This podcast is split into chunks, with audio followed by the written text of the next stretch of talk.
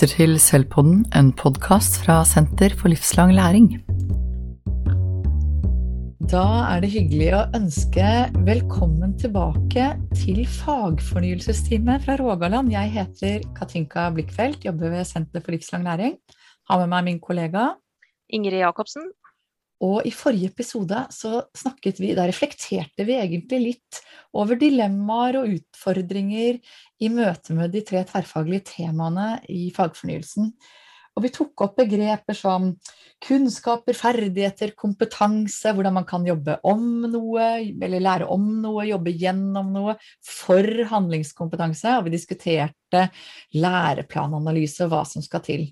I dag så har vi invitert dere tilbake for å snakke om liksom, praktiske tilnærminger. Hvordan kan vi gjøre dette i praksis? For å hjelpe lærerne og skolene der ute, så tenkte vi at vi skulle bore litt i et eksempel. Og de vi har med, det er jo da, som jeg sa, fagfornyelsesteamet fra Rogaland. Dere kan jo kanskje introdusere dere selv? Ja. Eh, mitt navn er Inger Sofie Berge Hurdel og er leder for kompetanseutvikling i utdanningsregionen Midt-Rogaland.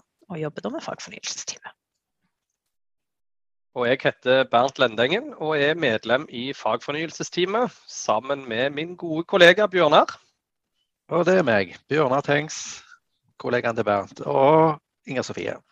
Nydelig. Og jeg skal legge en lenke til nettsiden deres i episodeomtalen, så folk kan sjekke mer der hvem dere er.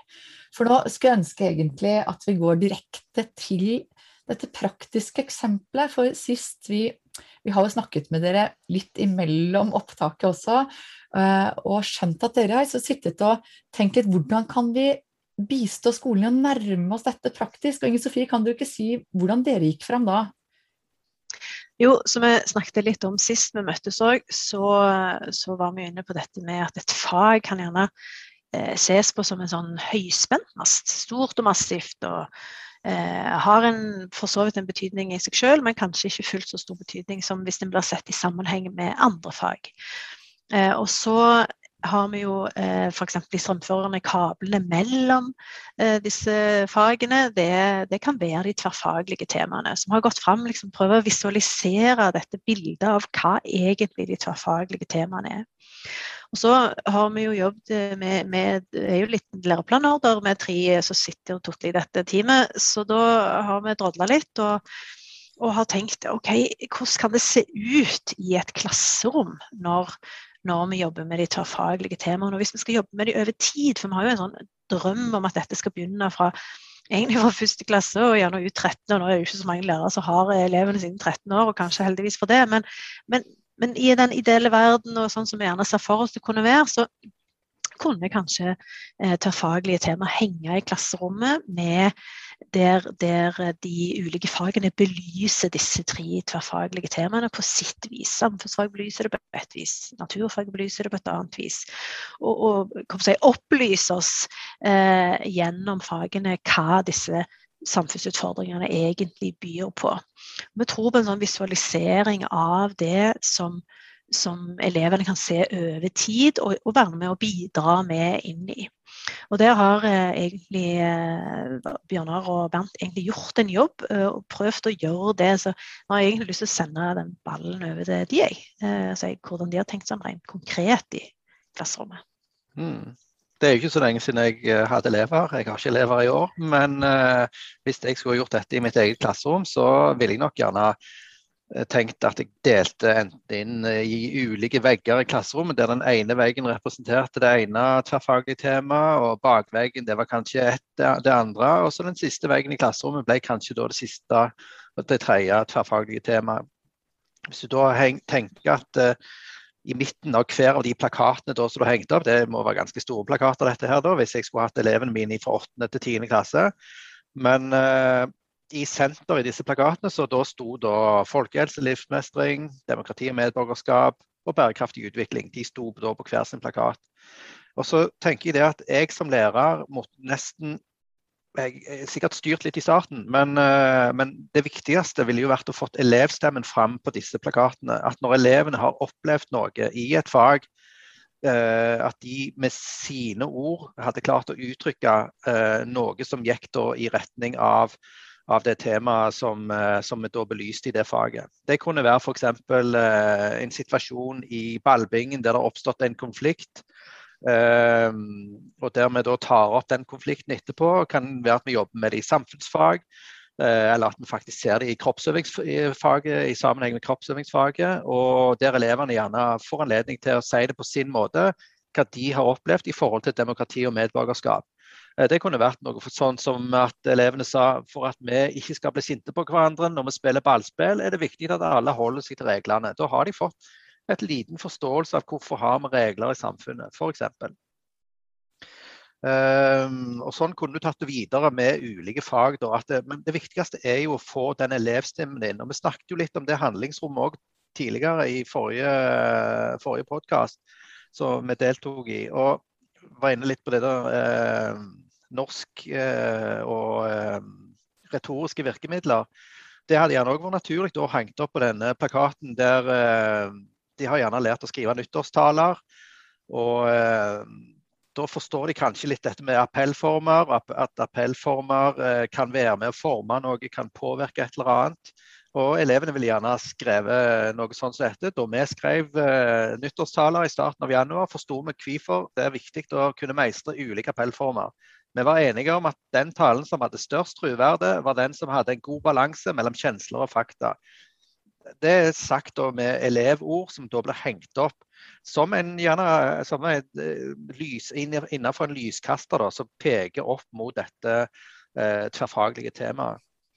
Eh, og det ville vært likt da, i de andre eh, temaene. at det, eh, Hver gang det kommer en ny lærer inn i klasserommet, for det er jo ikke jeg som har elevene mine hele tida, si det var naturfagslærer, jeg har ikke naturfag sjøl, Eh, men når den eh, bruker klasserommet, så blir det gjerne at det da hengt opp på klasserommet. Sånn at eh, du får en samling av alle fag, hvordan alle fagene har vært med å belyse disse temaene. Og dette kunne jo vært å det blir bygd ut i løpet av skoleløpet, sånn at i åttende klasse så er det ikke så veldig mye. Det blir mer etter hvert. Når du kommer til tiende, så eh, kan du gjerne ha en samtale med elevene for noen ting som gjerne sier noe av det samme. Er det noe vi kan ta vekk, er det noe vi skal legge til? Og eh, ja, Det er jo bare fantasien som setter begrensninger av hvordan dette skulle hentes ned. Om det da skulle eh, vært sånn at elevene velter seg ut noen områder som de da lagde en eller annen form for uh, samtale rundt, eller om det var ja, hva metode du da hadde valgt for å hente og, og knytte disse godt sammen underveis, det, det, er jo opp til fantasien og kreativiteten til læreren sammen med elevene, da. Jeg får umiddelbart uh, sånn bilder i hodet av også at fagspråket som er fagspesifikt i ett fag, vil være lettere tilgjengelig for de andre fagene å bygge på. Så at det også hjelper til å lage disse nett nettverkene av forståelse mellom fag, da, når du snakker nå. Eh, at det er lett for da eh, KRLE-læreren eller naturfaglæreren å si oi, her snakket dere om argumentasjon, hvordan kan vi argumentere i naturfag, eller hvilke områder, eller eh, hvilke undersøkelsesformer har vi her? Sånn at det, at det også blir tydeligere hva liksom, hvert fag bidrar med inn, da, når jeg hører deg snakke, Bjørnar. Veldig spennende. Da, da, tenker jeg med en gang på dette her med overføringsverdi. Eh, at en sånn type visualisering vil kanskje hjelpe både lærere og elever med eh, å hente ut og plukke opp hva som kan være overførbart fra fag til fag. Det er nettopp noe av det som viser seg å være ganske utfordrende i dag. da.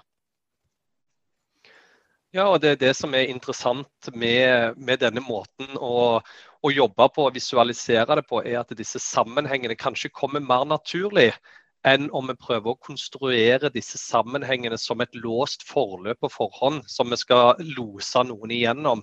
Men her er det elevstemmene og liv i klasserommet som skaper disse sammenhengene. Og som gir òg informasjon til læreren om hva er det eleven har forstått. Ja. Hva har vi å bygge videre på, eh, og hvordan, eh, hva retning skal dette ta nå.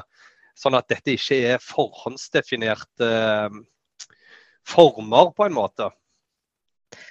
Og det, det, Da får jeg den, den assosiasjonen altså til, til, det viktige elementet av elevmedvirkning. ikke sant? Altså her, her er det elevmedvirkning i praksis. Eh, og så kanskje vi faktisk til og med eh, kan klare å oppnå mer relevans. Fordi at elevene da er mer med, og at det skjer der og da istedenfor at læreren eh, jeg planlagte for et halvt år siden eller noe sånt, eller forrige gang.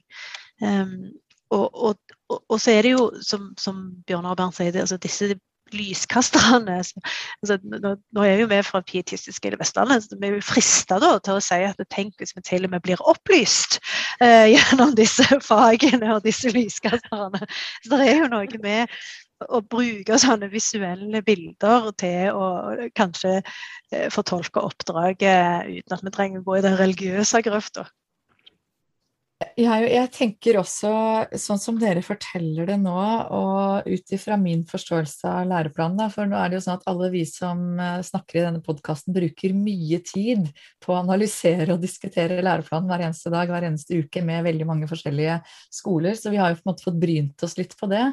Eh, men det jeg også hører, er jo det står veldig tydelig forventning om at kompetansemål skal ses i sammenheng i fag og på tvers av fag.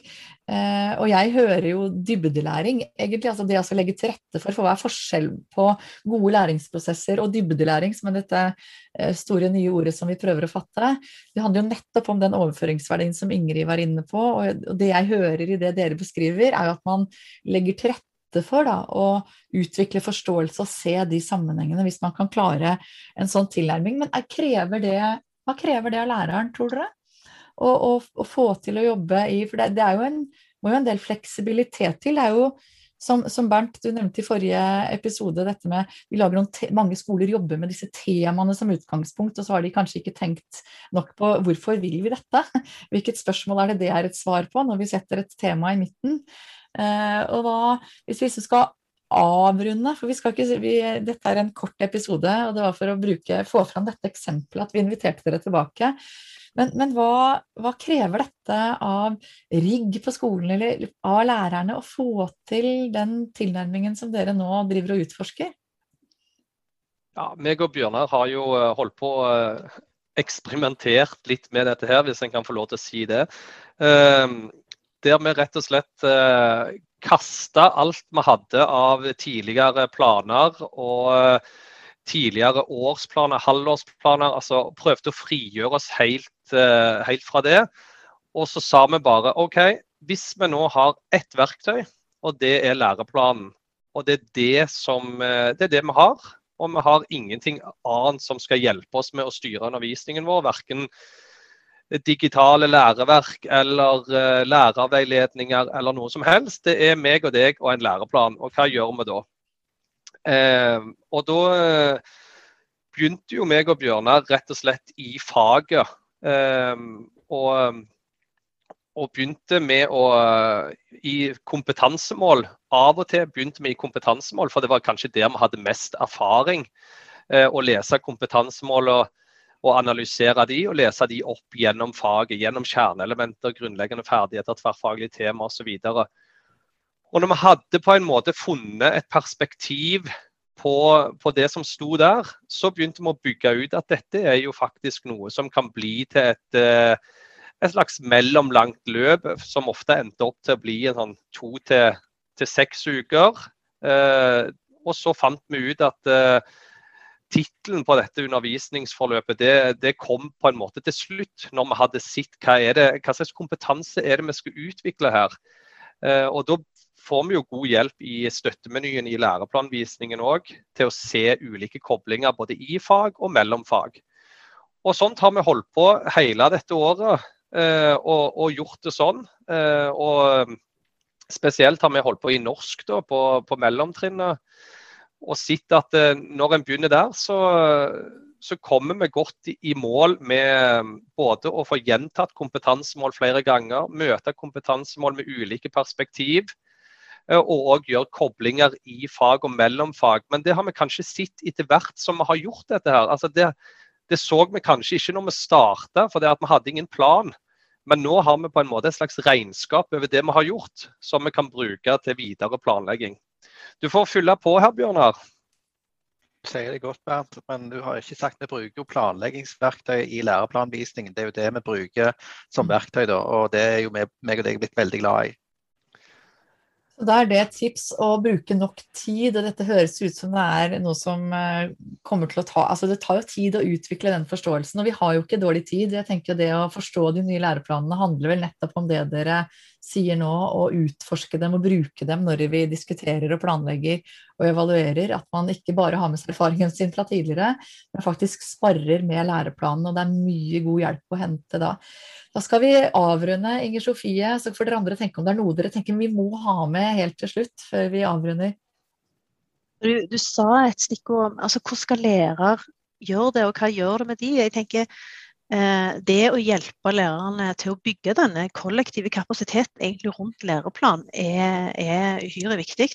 Og det, det, er veldig lett å si, men det å visualisere noe sånt f.eks. i et klasserom, kanskje det faktisk kan bidra til å se de sammenhengene sammen. Um, og at vi da, igjen som jeg sa i forrige podkast òg, altså klarer å holde, ha is i magen og utvikle kompetansen til elevene over tid. For de spør jo hvorfor lærer vi dette? Det mm. har de jo gjort i de siste sikkert 100 åra, ikke vet jeg. Eh, og det er kanskje lettere når vi kan peke på de tingene som ligger litt utenfor skolen, men allikevel er i skolen og binder ting sammen. Jo, vi har det til og med her. Husker dere hva dere sa? Eh, når vi hadde det tematikken, eller når vi gjorde det og det, og dere forsto det og det. Det er vel kanskje å utvikle kompetanse over tid og skape relevans. Og ikke minst ha elevene med på laget. Supert. Tusen takk for refleksjonene og eksempelet. Noen, eh, er det noe dere tenker at vi burde ha sagt, eller som dere kunne tenke dere å nevne helt avslutningsvis, så tar vi en runde før vi takker for i dag. Ingrid? Jeg har lyst til å følge opp det som Inger Sofie sa på slutten nå, jeg, med å eh, ta med elevene på laget. Jeg tror det er så mye uutnytta potensial i å la elevene få delta mer i tidligere faser i planlegging av eh, undervisningsopplegg. Eh, la elevene få slippe til. Eh, jeg tror, jeg tror kanskje vi i redsel for å ikke gjøre ting bra nok, ofte detaljplanlegger altfor mye, og at vi ser på det som en del av lærerjobben vår. Men så erfarer jeg stadig at elevene har så mye eh, viktig å bidra med, som kan gjøre disse her oppleggene 100 ganger bedre enn det jeg klarer å tenke ut sjøl. Eh, så det, det å eh, jobbe med de tverrfaglige temaene med relevans, eh, stole på læreplanlesingen, eh, det som dere snakker om nå, Bernt og Bjørnar, det krever jo mot. da Eh, å legge vekk eh, tidligere planer og, og, og stole på å utvikle læreplanforståelse sammen som lærere, men å involvere elevene med det arbeidet, det tror jeg, det tror jeg veldig på. Ja, og det krever nok litt mot. og Det er derfor jeg er veldig glad for at meg og Bjørnar gjør dette sammen når vi planlegger. For jeg tror det at lærere planlegger sammen og reflektere over undervisning sammen. Og stille hverandre litt sånn eh, vennlige, kritiske spørsmål. Hvorfor skal vi ha det perspektivet, eller hva tenker du når du har planlagt dette? Det tror jeg er veldig fornuftig, og det er nok noe som, eh, som mange lærere gjør allerede i dag. Og så handler det om, som du var inne på Ingrid, at det planlegger dette rammeverket, men at det er såpass løst, dette rammeverket, at det er rom for elevstemmer, og at det er rom for at vi kan endre det etter hva som skjer i klasserommet. Sånn at undervisningen hele tida blir justert i forhold til det, den kompetansen som du ser elevene utvikle, eller trenger hjelp til å utvikle videre. Ja, så vil jeg bare tilføye at eh, meg og deg har fått lov til å prøve og feile. Noe elevene òg skal få lov til, men det er òg lov for oss som lærere. Det er viktig å ta med seg. Vi har, vi tid, sånn som du Katinka sa, og den må vi bruke. Og vi må våge å prøve, og vi må faktisk òg våge at vi feiler et par ganger før vi får dette til. Og det er helt greit. Strålende. Vi lar det være siste tipset. Tusen takk for at dere tok dere tiden til å reflektere sammen med oss alltid inspirerende å snakke med dere. Håper vi ses igjen, eller høres igjen. Eh, og jeg er helt sikker på at eh, de som hører på denne podkasten, vil finne mye spennende inspirasjon når de går inn og klikker på nettsiden deres. Tusen takk for samtalen. Ha det bra. Ha det. Tusen takk for at du fikk komme. Bare hyggelig. Thank you.